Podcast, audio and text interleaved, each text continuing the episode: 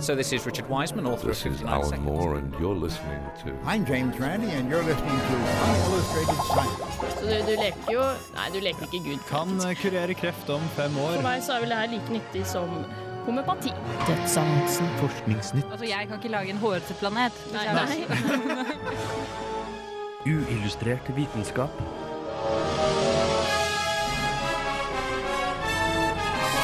Science, it works, bitches. I dagens dyrerike sending av uillustrert vitenskap tar vi for oss skapninger i lufta, på bakken og i vannet. I tillegg har vi noe som i hvert fall er litt relatert til Valentine's Day.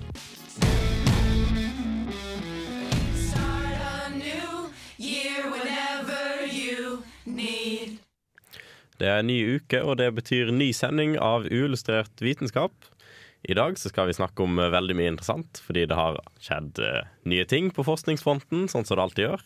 Og det har du tatt for deg, eh, Ole Eivind. Det har jeg, eh, og denne uken så er det forskningsnyheter om bl.a. ugler, hunder og asteroider.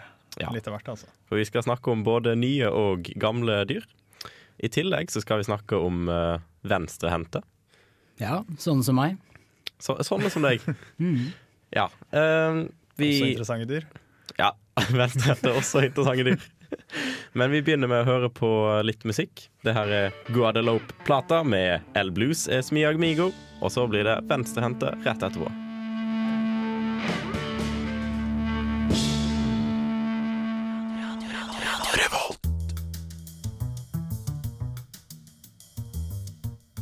Hva har Isaac Newton, Charles Darwin og Albert Einstein til felles, bortsett fra at alle har gjort store oppdagelser innen vitenskapen? De er alle også venstrehendte. En rekke store vitenskapsmenn, musikere og andre suksessfulle personer er venstrehendte. Blant annet har fem av de syv siste amerikanske presidentene vært venstrehendte. Tester ved St. Lawrence University i New York kom frem til at det var flere venstrehendte med en IQ over 140 enn høyrehendte. Men betyr dette at venstrehendte er smartere eller mer kreative enn høyrehendte? Samtidig er også venstrehendte overrepresentert blant en rekke mentale sykdommer som schizofreni og lærevansker, som ofte er linket til lav IQ. Men betyr dette kanskje at det motsatte er tilfellet? Om man foretrekker å bruke venstre eller høyre hånd, er sterkt arvelig. I dag er rundt 10 av verdens befolkning venstrehendte. Forskning viser at allerede før man er født, vil man i nettopp 10% av tilfellene se en baby sutte på den venstre tommeltotten. Likevel kan miljøet også ha en innvirkning på om man blir venstre- eller høyrehendt. Man kan også være kapphendt, at man føler at man kan bruke begge hendene like godt. Tradisjonelt har det å være venstrehendt blitt sett ned på. Ordet keivhendt kommer nettopp fra dette å være skeiv eller bruke feil hånd. For ikke så mange år tilbake var det å gjøre ting med venstre hånd sett på som feil. Det var heller ikke uvanlig å tvinge venstrehendte til å skrive med høyre. For å forstå forskjellen på høyre- og venstrehendte må man forstå at hjernen er delt opp i to deler. Venstre og høyre hjernehalvdel. De er vanligvis kontralaterale. Det vil si at venstre hjernehalvdel styrer høyre side av kroppen, og motsatt. Dermed vil personer som skriver med høyre, ofte bruke venstre hjernehalvdel til å prosessere språket han skriver. Men tilbake til åpningsspørsmålet. Kan det stemme at venstrehendte er smartere eller mer kreative enn høyrehendte? Eller er det kanskje motsatt?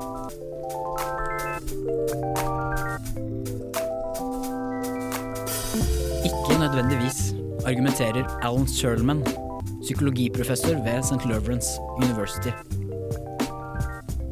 Han sier at hjernen til en venstrehendt person har mer sannsynlighet for å utvikle seg til mer uvanlige resultater. Noen ganger er utviklingen fordelaktig, andre ganger ikke. Dermed okkuperer venstrehendte ofte begge ender i intellektuelle tester. Det blir ikke riktig å si at venstrehendte som en gruppe er smartere eller mer kreative enn høyrehendte. Eller motsatt. Venstrehendte har rett og slett en mer variert utvikling av hjernen. Ja, der fikk vi Hogne sin sak om eh, høyre- og venstrehendte. Mest venstrehendte. Her i studio i dag så er vi jo eh, bare en tredel som er venstrehendt. Og i verden generelt så er det bare 10 som er venstrehendt. Eh, Hva kommer det av at eh, det er så få som er venstrehendt? Nei, det er vanskelig å si. Det, det må være en fordel. eh, men det er ingen som vet helt hvorfor det er slik. Det, det kan være at det er noe med samarbeid, av at siden alle er høyrehendte, så får du en mer sånn samarbeidsfølelse, da. Eh, men samtidig så må det også være en liten fordel å være venstrehendt, siden det nettopp er 10 eh, Og det er jo fordi de er da en minoritet. Eh, og dette her kan da f.eks. være en fordel i slåsskamper. Ja, ja, hvordan kan det her gi en fordel i kamp? Jo, for det er jo at når du får slag fra venstre side, så vil det da være uvant for de som slåss mot denne her venstrehendte. Så lenge, det, så lenge venstrehendte er minoriteter, så vil denne her eh, effekten være der, da. Ja. Eh, Er det andre steder det her eh, vi har lignende fordeler? Ja, jeg driver jo da med bordtennis, og nyter denne her fordelen hver dag når jeg spiller bordtennis. For det er at når jeg slår ballen fra, med, ven- fra venstre side, så vil dette her da være uvant for både høyrehendte og venstrehendte spillere. For i 90% av tilfellene så spiller jeg mot en som er høyrehendt. Eh, Men også når høyrehendte spiller, så vil de i 90% av tilfellene spille mot høyrehendte. Ja, så det er veldig mye mer uvant eh, å spille da mot en som er venstrehendt. Ja. Ja. Mm. Eh, verden er jo bygd opp rundt uh, høyrehendte personer. det det finnes det jo en del eksempler på. Kan du nevne noen?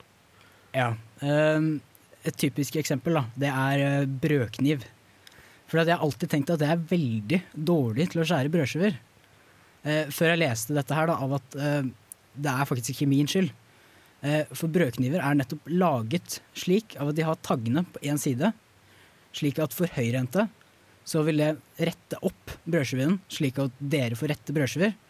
Mens for oss venstrehendte så vil det bare gjøre vondt verre og gjøre brødskivene våre enda skeivere. Ja, det, det er noe å tenke på for venstrehendte der ute. Det, det er ikke din feil.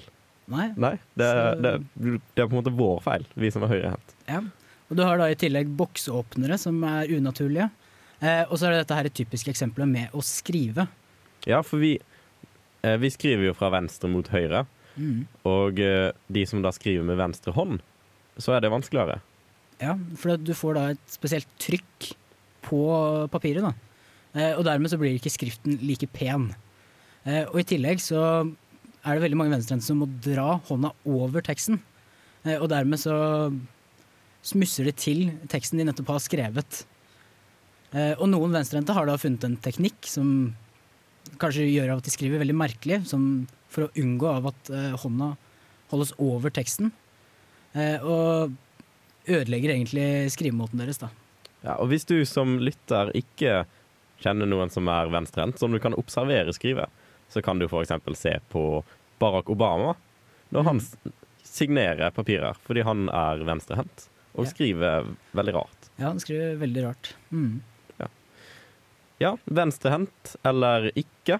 Vi har alle våre utfordringer. Men eh, nå skal vi videre i programmet. Vi skal høre litt om eh, kaniner i Australia. Fordi eh, det De gjør litt eh, ugagn der nede. Eh, men før det så skal vi høre litt mer musikk. Det er Mø med glass.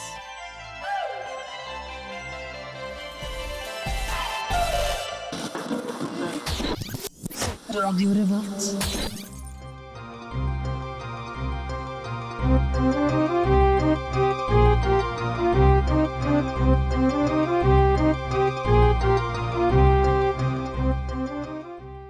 1800-tallet begynte europeiske nybyggere å slå seg ned i Australia. Der hadde man det fint og flott, men mange savnet enkelte ting fra hjemlandet. Thomas Austin savna kaninjakt en del, og importerte derfor 24 kaniner fra England og slapp de fri rundt gården sin for å jakte på dem. Bare 24 kaniner kan vel ikke gjøre noen skade. Men etter 50 millioner år i isolasjon hadde Australia ingen rovdyr som visste hva en kanin var, og uheldigvis, ingen av de som allerede var der, hadde lyst til å spise denne nye arten. Thomas jaktet på kaninene sine, men de ble ganske mange etter hvert. 30 år senere var det rundt to millioner av dem, og de hadde spredt seg til mesteparten av kontinentet. Australia hadde visst et lite problem. Rev ble importert som en naturlig fiende til kaninen, men dette var kanskje ikke det beste valget. Man oppdaget raskt at rev også er en naturlig fiende for ca. resten av kontinentet, men det er en helt annen historie. Mange ordinære kaninfjerningsmetoder ble forsøkt. Jakt med gevær, feller, ildere og bulldosere var effektive, men populasjonen ble ikke mindre av den grunn. Man måtte gå hardere til verks. Etter andre verdenskrig, mens man først var i gang med slikt, erklærte Australia biologisk krig mot kaninene. De introduserte viruset myxoma, som er dødelig for kaniner, men ufarlig for alt annet i Australia. Perfekt. En epidemi spredte seg raskt blant kaninene, og populasjonen sank drastisk. Viruset markerte seg med en kanindødelighet på 99,8 Alle er glad og fornøyd. Bortsett fra kaninene, da, men ingen bryr seg jo om eh, de. Men så skjedde enhver kreasjonists største mareritt.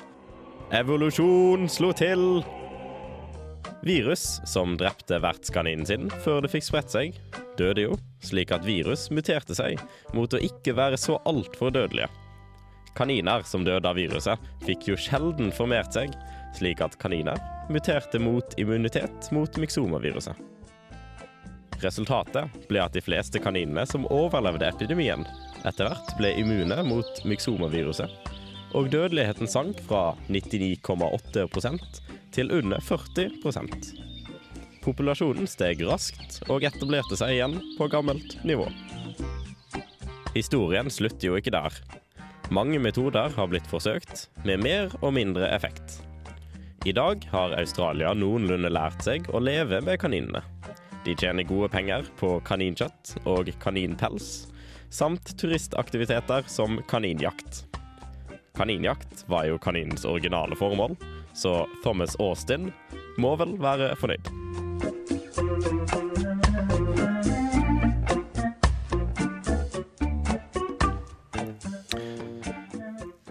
Ja, Australia har jo ingen heldig historie med å innføre nye arter for å få bukt med på problemer som de har, Mildt sagt. mildt sagt. Men uh, hvorfor ble egentlig disse kaninene et så stort problem i Australia? Altså hovedsakelig altså, tingene, Det ble jo utrolig mange av de. Uh, De var oppe i sånn ca. 600 millioner kaniner på Australia-basis. uh, og kaniner de gjør som kjent De spiser veldig mye små vekster. Og det ble jo da til at de spiste opp alt som var å spise på visse områder. De spiste nye vekster før de fikk etablert seg. Sånn at veldig store, fruktbare landområder ble lagt uh, golde uh, av kaninene. Så det var et meget stort problem for eh, landbruk. Jeg husker eh, for kanskje et år siden eller noe sånt, så hadde vi en sånn forskningsnyhet om en, eh, en eh, vi kalte en dust, som ville innføre elefant til Australia for å på en måte løse et eller annet problem. Det syns vi var litt tullete. Fordi Australia har en fryktelig dårlig sånn eh, ja, record på eh, innførte arter. Man har jo eh, padder, man har rev, man har dromedar, man har geiter, man har katter, som vi har snakket tidligere om dette semesteret. Man har ville griser og hjortedyr, og også sånne husgekkoer, som alle på en måte lever nå fritt rundt omkring i Australia. Ja, for tingen er uh, Alle dyr passer jo perfekt inn i Australia, fordi dyrene som er der fra før, er jo så talentløse. Altså, de, de kan jo ikke beskytte seg mot noen ting. Så alt klarer å etablere seg helt fint. Pungdyrene er ubrukelige. Ja. Unnskyld, pungdyr, men eh, hvis det er noen av de som hører på, beklager. Eh, men eh, for å få bukt med kaninene sånn etter hvert, så fant jo folk ut at de skulle bygge et gjerde over hele kontinentet for å hindre kaninene å spre seg videre. Så da bygde de eh, et gjerde som gikk fra nord til sør, på eh, vest, eh, litt sånn mot vest på kontinentet, for å hindre kaniner. Og det gjerdet det var sånn ca. 3000 km langt. Det var litt sånn flere gjerder som gikk litt sånn om hverandre. Var det sånn gjerdelobbyen som, som gikk hardt til verks for å få bygget det? Var det en sånn gjerdeprodusent som tenkte nå kan jeg få solgt masse gjerde? Det er jo litt av et prosjekt. Ja. Altså, jeg vil bare nevne at uh, det gjerdet her er eh, over en tidel av lengden til den kinesiske mur. Uh, så det er ganske imponerende. Men uh, hvor høyt måtte det være da, for at ikke kaninene kom seg over? Nei, det var vel sånn litt over en meter høyt, var det. Og jeg har jo erfaring fra hjemmefra, der vi har gård, at det er vanskelig å lage et gjerde som holder hjort ute. Og de er jo ganske mye større enn kaniner, så jeg tror det var ganske vanskelig å lage det her kaningjerdet. Kan de ikke grave seg under? Eh, jo, det skulle vi nesten tro. Det var jo ikke så effektivt, det gjerdet her, da. Eh, men det funka jo sånn halvveis. De fikk solgt gjerder. De fikk solgt gjerdene sine. Men eh, jeg vil si at det her, eh, den historien er jo en veldig god, eh, et veldig godt eksempel på evolusjon i arbeid. Eh, spesielt med snakk om det viruset som de innførte. Det drepte veldig mange kaniner, men så begynte kaninene å klare seg. Og ja, så vokste populasjonen igjen. Veldig flott. Bortsett fra de som ikke likte kaniner, da. Eh, ja. Eh, skal vi gå litt videre? For det har skjedd veldig mye i forskningsverden. Ja, jeg har jo litt forskningsnyheter. Ja, det har det. Eh, så da skal vi først få høre litt mer musikk. Det er TI med 'Hello'.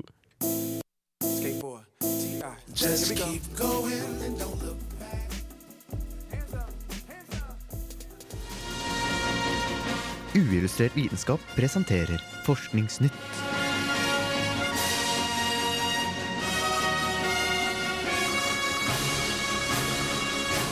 Forskningsnytt. En ny ugleart er oppdaget i Indonesia, på øyen Lombok. George Sangster fra det naturhistoriske riksmuseet i Sverige og Ben King fra The American Museum of Natural History snublet begge over denne uglen i 2003, og publiserte i går funnet i tidsskriftet Plus One. Uglen, som har fått navnet rinjani etter en lokal vulkan, er den første endemiske fuglearten oppdaget på øyen. Den nye arten ble tidligere forvekslet med en annen ugleart med lignende fjærdrakt. En ny psykologistudie utført på hunder viser at det er langt mer sannsynlig at hunden din vil stjele mat om lyset i rommet er skrudd av. Forskerne bak studien mener at dette viser at hunder kan forstå menneskers perspektiv, da hunden innser at eieren ikke vil kunne se at de stjeler mat i et mørkt rom.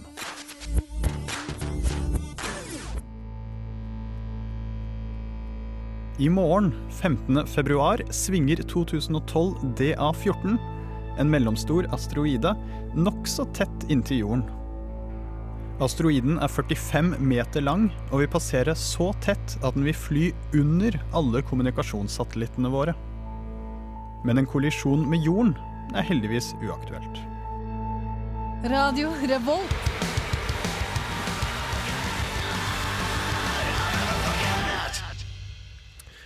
Litt nytt i forskningsverdenen siden sist. Ja, en god del. Eh, først ut så var det jo denne nye uglearten eh, som har blitt oppdaget. Eh, det er en, ja, Den kalles da rinjani. Eh, det er en ugle fra otus-slekten. Eh, ble funnet i Indonesia på øyen Lombok. Det er den første da endemiske fuglearten oppdaget på øyen, så den fins kun på den øyen. Nå er det jo sånn at ganske mange ugler ser ganske like ut. Ja. Eh, hvordan skiller forskere mellom forskjellige uglearter når de skal da leite etter nye?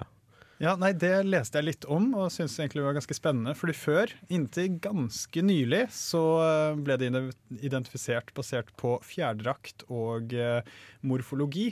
Altså hvordan de ser ut, hvordan de er bygget og farger og alt det der. Eh, Men ugler de skifter jo farge avhengig av omgivelsene, og spesielt denne otus-familien. Eh, og eh, da er det mange som ser veldig like ut, men som viser seg å være forskjellige arter. Så på slutten av 70-tallet eh, så var det en ornitolog som foreslo at vokalisering var en bedre måte å skille mellom otusartene på. Altså hvilke lyder disse uglene lagde. Og basert på opptak av alle disse forskjellige uglene, så ryddet han skikkelig opp i slekttavlen til otusuglene, og fant ut at der var det jo masse feil. Eh, og det var jo det, dette eh, Sangster og King, da, disse to forskerne, eh, ja, på den måten de fant denne nye arten. De var begge på Lombok i 2003 for å undersøke lydene fra lokale natteravner, sånn egentlig. Men så hver for seg, så begge fikk med seg da opptak av denne uglen. Og så bare Oi, det var en uglelyd jeg ikke kjente til. Og så spilte de av lydene, begge to, hver for seg. Og så tiltrakk de da uglene, så de fikk tatt bilde av dem også. Uh, og den lignet på en annen ugleart da, som fins i Indonesia, uh, men den lagde forskjellig lyd. Uh, og da var det jo antagelig en ny art. Ja. Og så tok det ti år til de da presenterte at de hadde oppdaga en ny art. Ja. Ja. Men uh, hvorfor tok det så lang tid? Nei, uh, fordi det er jo ikke nok da det at måte, du har et opptak da, og den lager en annen lyd. Eh, du måtte da ta opptak fra forskjellige deler av øyen, og så måtte du undersøke om den fantes på andre indonesiske øyer. Eh, du måtte sammenligne med alle relevante uglearter på museer rundt omkring i verden, for det kunne jo vært en art som er oppdaget, men som de bare ikke kjente til som personlig. Eh, og til slutt så tok de DNA-prøver av den, og eh, be fikk bekreftet at det var en ny art. Dette tok da ti år. Ja, Fantastisk. Da har vi én ugle rikere i verden. Det er vi. Sikkert mange flere. Det er nok det. Eh, neste, det var eh, hunder som uh, spiser mer i mørket. Eller stjeler mer Ja, i de stjeler mer i mørket. De, de er noen sånne lure, luredyr. Um, de kjørte da et eksperiment da, eh, der de fikk med 42 hunder av hvert kjønn. Alle hundene var ett år eller eldre, og alle var komfortable å være til stede uten eier, selv i mørket. Så kjørte de en sånn rekke eksperimenter i forskjellige lysforhold. Eh, felles for dem alle var at menneskene ga dem streng beskjed om ikke spis uh, den maten som i artikkelen jeg leste var illustrert med kake, så jeg ser for meg at de fikk beskjed om å ikke spise kake. Um, og så uh, la de merke til da at når det var mørkt i rommet, så spiste hundene mer, til tross for å ha fått beskjed om å ikke spise. Og de spiste også raskere. Forskerne bak studien mener jo dette viser at hunder kan forstå menneskers perspektiv, da hunden innser at eieren ikke vil kunne se at de stjeler mat i et mørkt rom. Men å, å påtvinge hunder så mye empati eh, av det studiet her, tror du det er å trekke det litt langt? Eh, ja, altså de gjorde jo Altså de kontrollerte jo så godt de kunne. da. Eh, De utelukket f.eks. at hundene gjorde enkle assosiasjoner. For så kunne det jo tenkes at de bare lærte etter hvert at mørkt rom, oi, der er det mat. Eller noe sånt. Og det, det utelukket det. Men jeg syns de kanskje trekker det litt langt i å måtte, si at ja, men da ser hunden for seg ting fra vårt perspektiv og skjønner at vi ikke ser dem. Um, for det kan jo godt være så enkelt som at hunden ikke ser eieren fordi det er mørkt. Hvis Ja. hunden ikke ser eieren, så kanskje den spiser det. Eh, Det er min eh, lille hypotese. Eventuelt at hunder de gjør litt rampestreker sånn i ly av mørket. Eh, ja. Ja, det kan jo òg hende. Og med mine egne hunder opp gjennom tiden, så, så kjenner jeg godt til det at de finner på litt sprell med en gang vi er borte. Ja. Hopper i sofaen og Um, I andre nyheter så er det en, er det en asteroide som kommer på besøk i morgen. Det er det. Det er 2012 DA14 som den heter. 45 meter lang og passerer eh, såpass tett at den er under kommunikasjonssatellittene våre. Da Hvis man eh, tenker på at geostasjonære satellitter har en bane på 35 786 km over ekvator, så er det ganske tett, men det er jo passelig langt unna likevel. da. Det er sånn litt over ja, nesten en dobbel kinesisk mur oppe i lufta. Ja. Det er ganske langt. Det er ikke noe å frykte, i hvert fall. Men tror du, kan denne eh, asteroiden treffe noen eh, satellitter? Ja, det lurte jeg også litt på. Eh, Det var ingen artikler jeg fant som skrev at det er fare for det. Men, eh, så det kan hende den ikke gjør det. Eh, Det, det er jeg litt, faktisk litt usikker på, men skulle jo kanskje tro det. Det hadde jo vært litt spektakulært. Ja. Det Og litt kjipt. Men, men den her kom jo ikke til å treffe jorda. Nei. Men hva hadde skjedd hvis den traff jorda? Ja, når den passerer jorden, så har den en hastighet på 7,8 eh, km per sekund. Det er altså fryktelig raskt. Eh, og da når den hadde truffet jorden, så hadde det tilsvart eh, 2,4 megatonn med TNT. Eh, så det kan sammenlignes med Tunguska-eksplosjonen eh, oppe i Sibir eh, begynnelsen av 1900-tallet. Da en meteoritt eller en en kometfragment eksploderte sånn 5-10 km over jordoverflaten.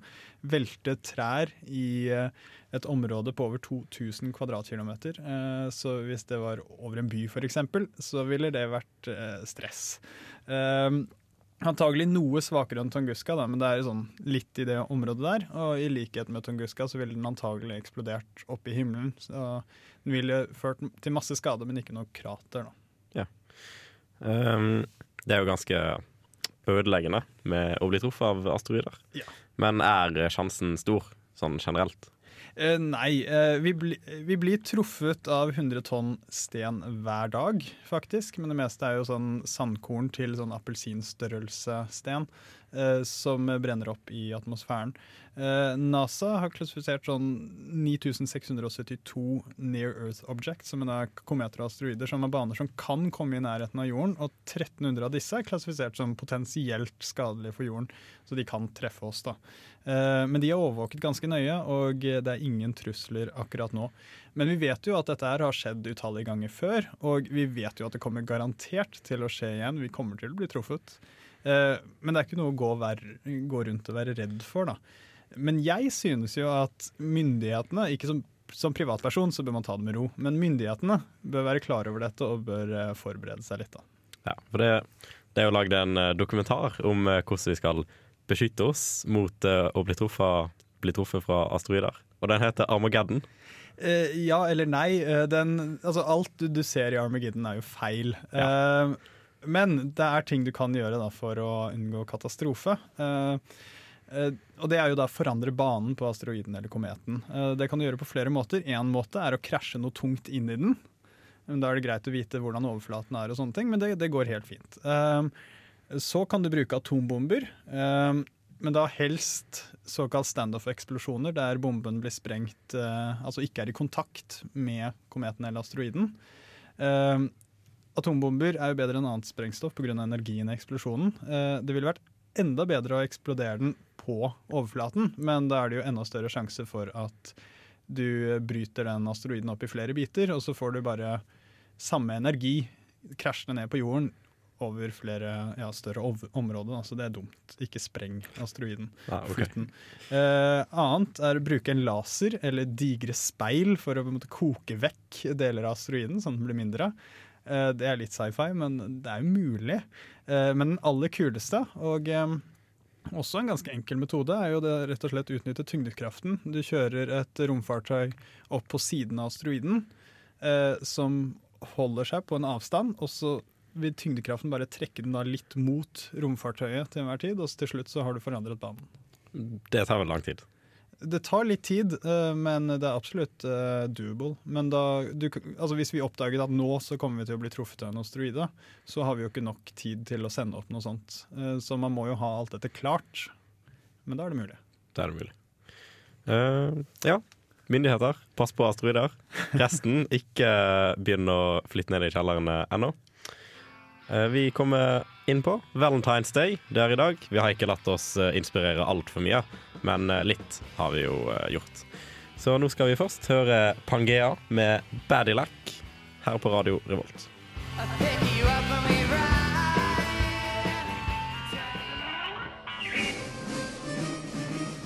With the proper breeding techniques and a ratio of, say, 10 females to each male, I would guess that they could then work their way back to the present gross national product within, say, 20 years. Uillustrert vitenskap. En ekstra nyhet som uh, kanskje ikke er direkte kjærlighetsrelatert, men i hvert fall formeringsrelatert. Ja. Det handler om uh, en snegl. Uh, ja. Alt liv er jo utviklet for å formere seg, sånn i bunn og grunn. Og det har ført til at det er fryktelig mange kinky dyr og skapninger der ute. Eh, Dette har vi snakket om mange ganger før, men det kom som sagt en nyhet. Eh, Nettopp oppdaget en bestemt art nakensnegle, som har et sånn ekstra spesielt fiffig eh, seksualliv. da. Men en nakensnegl, den er i motsetning til andre snegler naken. Den, den er Nei. naken, ja. Det er et type bløtdyr. Eh, Det lever i havet. Det finnes over 3000 forskjellige arter nakensnegler. De lever over hele verden, fra tropiske strøk til eh, arktiske strøk, også i eh, norske fjorder. Eh, Og de har nydelige farger. De er spektakulære å se på. De er ganske små, de er fra centimeter til sånn tommel-fingerstørrelse. Eh, Så ikke sånn gigantiske dyr, eh, men de har spektakulære farger og spenstige former og litt tentakler og eh, litt av hvert. Eh, Alle nakensnegler er hermafroditter, altså har de to sett med kjønnsorganer, men kan ikke befrukte seg selv. Så det er jo litt uh, fiffig i seg selv. Men som det ikke er nok, så fant de nå en ny som heter Chromodoris reticulata. eh, Som er rød og hvit, veldig fin, eh, som kaster fra seg penis etter den har eh, paret seg. Ja, Det er jo kanskje en naturlig ting å gjøre for uh, de som er inne i sånt. Men hvorfor uh, kaster den fra seg penis? Nei, uh, fordi eh, de utveksler jo sperm med hverandre når de parer seg. Eh, Sånn to snegler parer seg med hverandre. Da kan du ende opp med sperm fra den andre på penisen din. Og da hvis du går og parer, seg, parer deg med en ny en etterpå, som de gjerne gjør, så kan du risikere å befrukte en annen med delvis en annen sperm i tillegg til dine egne. Og du har ikke lyst på den konkurransen, så de kaster den fra seg, og så vokser det ut en ny i løpet av et døgn. I løpet av et døgn. Ja. Uh, hvem var det som oppdaget det her? Nei, det var vel noen japanere, da. Ja, det var vel det. Alltid noen japanere. Vi skal høre mer musikk. Pistol og bart med kilometerteller. Så skal vi synse litt etterpå. Jeg ser landskapet som vil passere Vi begynner å nærme oss slutten, men før den tid så har Ole Eivind lovt å komme med en liten overraskelse. Ja, vi er jo i denne avdeling for generell synsing, der vi eh, enten synser om noe eller bare kommer med anbefalinger. Eh, jeg vil kanskje gjøre litt begge deler. Eh, hvis dere lyttere skal høre på en annen podcast, en annen populærvitenskapelig podkast enn Uillustrert vitenskap, så må det jo være Radiolab. Den anbefaler jeg sterkt, eh, selv om det er en slags konkurrent. De hadde en nylig sending om eh, ja, hvordan leger ønsker å dø. ned ned The Bitter End. Eh, mye om sånn livredning osv. som er fryktelig interessant. Den må dere sjekke ut. Men der nevnte de en eh, studie gjort på hjerte-lungeredning, sånn CPR. Eh, det var da en undersøkelse som hadde tatt for seg alle CPR-tilfeller i Japan et helt år. Så Mm. veldig mange tilfeller. Og eh, kun 8% overlevde etter CPR. Eh, Det funket kun i 8% av tilfellene. Og det var enda verre. Det var kun 3% som ble friske, eh, som fikk et normalt liv etterpå. Så var det like mange som de overlevde, men ble helt grønnsak. Sånn, ja, hadde ikke noe fungerende liv. Så var det de resterende 2% var en slags mellomting. Det var sjokkerende for meg å høre, fordi jeg er vant til å se det på TV, og de hadde gjort en undersøkelse på det også. På TV så har det 75% effektivt. Ja. Um, så CPR kun 3% sjanse for at det har noe å si. Ja, det Nå skal det jo sies at uh, for du må jo gjøre hjerte-lungeredning 100% perfekt for at det skal fungere. Og selv da er det jo antagelig liten effekt av dette. var jo på, gjort på sykehus og sånn. da. Ja, Så det er jo folk som kan det. Det er det jo. Mm. Det, er- det, jeg syns det var veld, veldig lite. Det, det likte jeg ikke. Nei. Nei. Nei. Men sjekk den ut, det var interessant. Ja. Vi har litt mer å synes om. Eh, ja, for eh, jeg kom over en sånn artikkel om eh, psykologien bak Tetris. For alle, lik, alle liker Tetris. Ja, for at, Av en eller annen grunn så liker alle Tetris. Eh, Det er litt sånn irriterende, veldig enkle spillet. Som sikkert er kanskje det verdens mest populære dataspill. Eh, og hans teori da, var av at eh, folk liker å rydde opp. Eh, og det er jo det Tetris handler om, da. Eh, å bli kvitt disse radene ved å sette brikker på riktig plass. Så har vi et sånt driv mot å ha det ryddig? Er det det Tetris baserer seg på? Ja, det er det han mener. Jeg har ikke følt dette drivet for å rydde hjemme, i hvert fall. Så jeg vet ikke om dette stemmer, men eh, det er det han har kommet fram til. Eh, og han ser også da på at eh, Tetris-spillere liker gjerne å rotere disse brikkene, da. For å se mer hvordan de passer. Eh, og det skulle da tydeligvis si mer av at de vil ha det mer ryddig. Har du, har du opplevd det her når du spiller Tetris, Olein? Ja, ja selvfølgelig. Jeg, jeg drømmer om Tetris etter jeg har spilt om uh, Tetris. eh, noe veldig mange andre gjør også. Uh, jeg har en ikke, ja, altså, Noen ganger rydder jeg jo litt, men jeg er ikke sånn kjemperyddig overalt. Men på PC-en der skal det være orden. Det er ting sortert i mapper og alt mulig rart. Det, Jeg, jeg tror det, det er lettere å ha et driv mot å spille Tetris enn å rydde hjemme. Ja. Men, Men, han nevnte også noen andre spill, da, sånn som eh, biljard. Der handler det også om å, av at eh, man slår jo kulene slik at de sprer seg. Og deretter så skal man rydde det opp da, ved å slå det nede i hullene. Ja. Så sjakk blir kvitt alle de andre sprikkene. Ja, Det blir litt mer rot, da. Gjør, gjør det litt, rydde opp, gjør det litt mer forståelig. Ja, kanskje. Uh, skal vi ha en rask oppsummering av dagens sending? Uh, vi har uh, snakka mye om dyr. Uh, nye ugler. Ny ugle, Ny entall. ugle, ja. Ja. Smarte, empatiske hunder. Som eh, spiser mer, eller stjeler mer, i mørket når eieren ikke kan se dem. ja. Slem hund. Veldig, veldig slem hund. Og så er det asteroider som eh, passerer under våre kommunikasjonssatellitter i morgen. Ja, hvis du har et teleskop og du er, befinner deg i Øst-Europa, Asia eller Australia, så kan du se det. Men du kan ikke se det med øyet, dessverre. Dessverre. Eh, så vi har veldig liten sjanse her i eh, Norge. Jo, og så eh, vil jeg til slutt komme med en eh, bokanbefaling også, hvis du likte det med den eh, sexy nakensneglen. Eh, den har vi anbefalt tidligere, men må anbefales igjen. Boken etter Dr. Tatianas Sex Advice to All Creation, er skrevet av Olivia Judson. Tar for seg nettopp sånn merkelig seksualoppførsel blant rare, rare dyr. En sikker anbefaling der. Ja. Da takker vi for oss her i Uillustrert vitenskap på Radio Rolt. Så snakkes vi neste uke. Happy Valentines.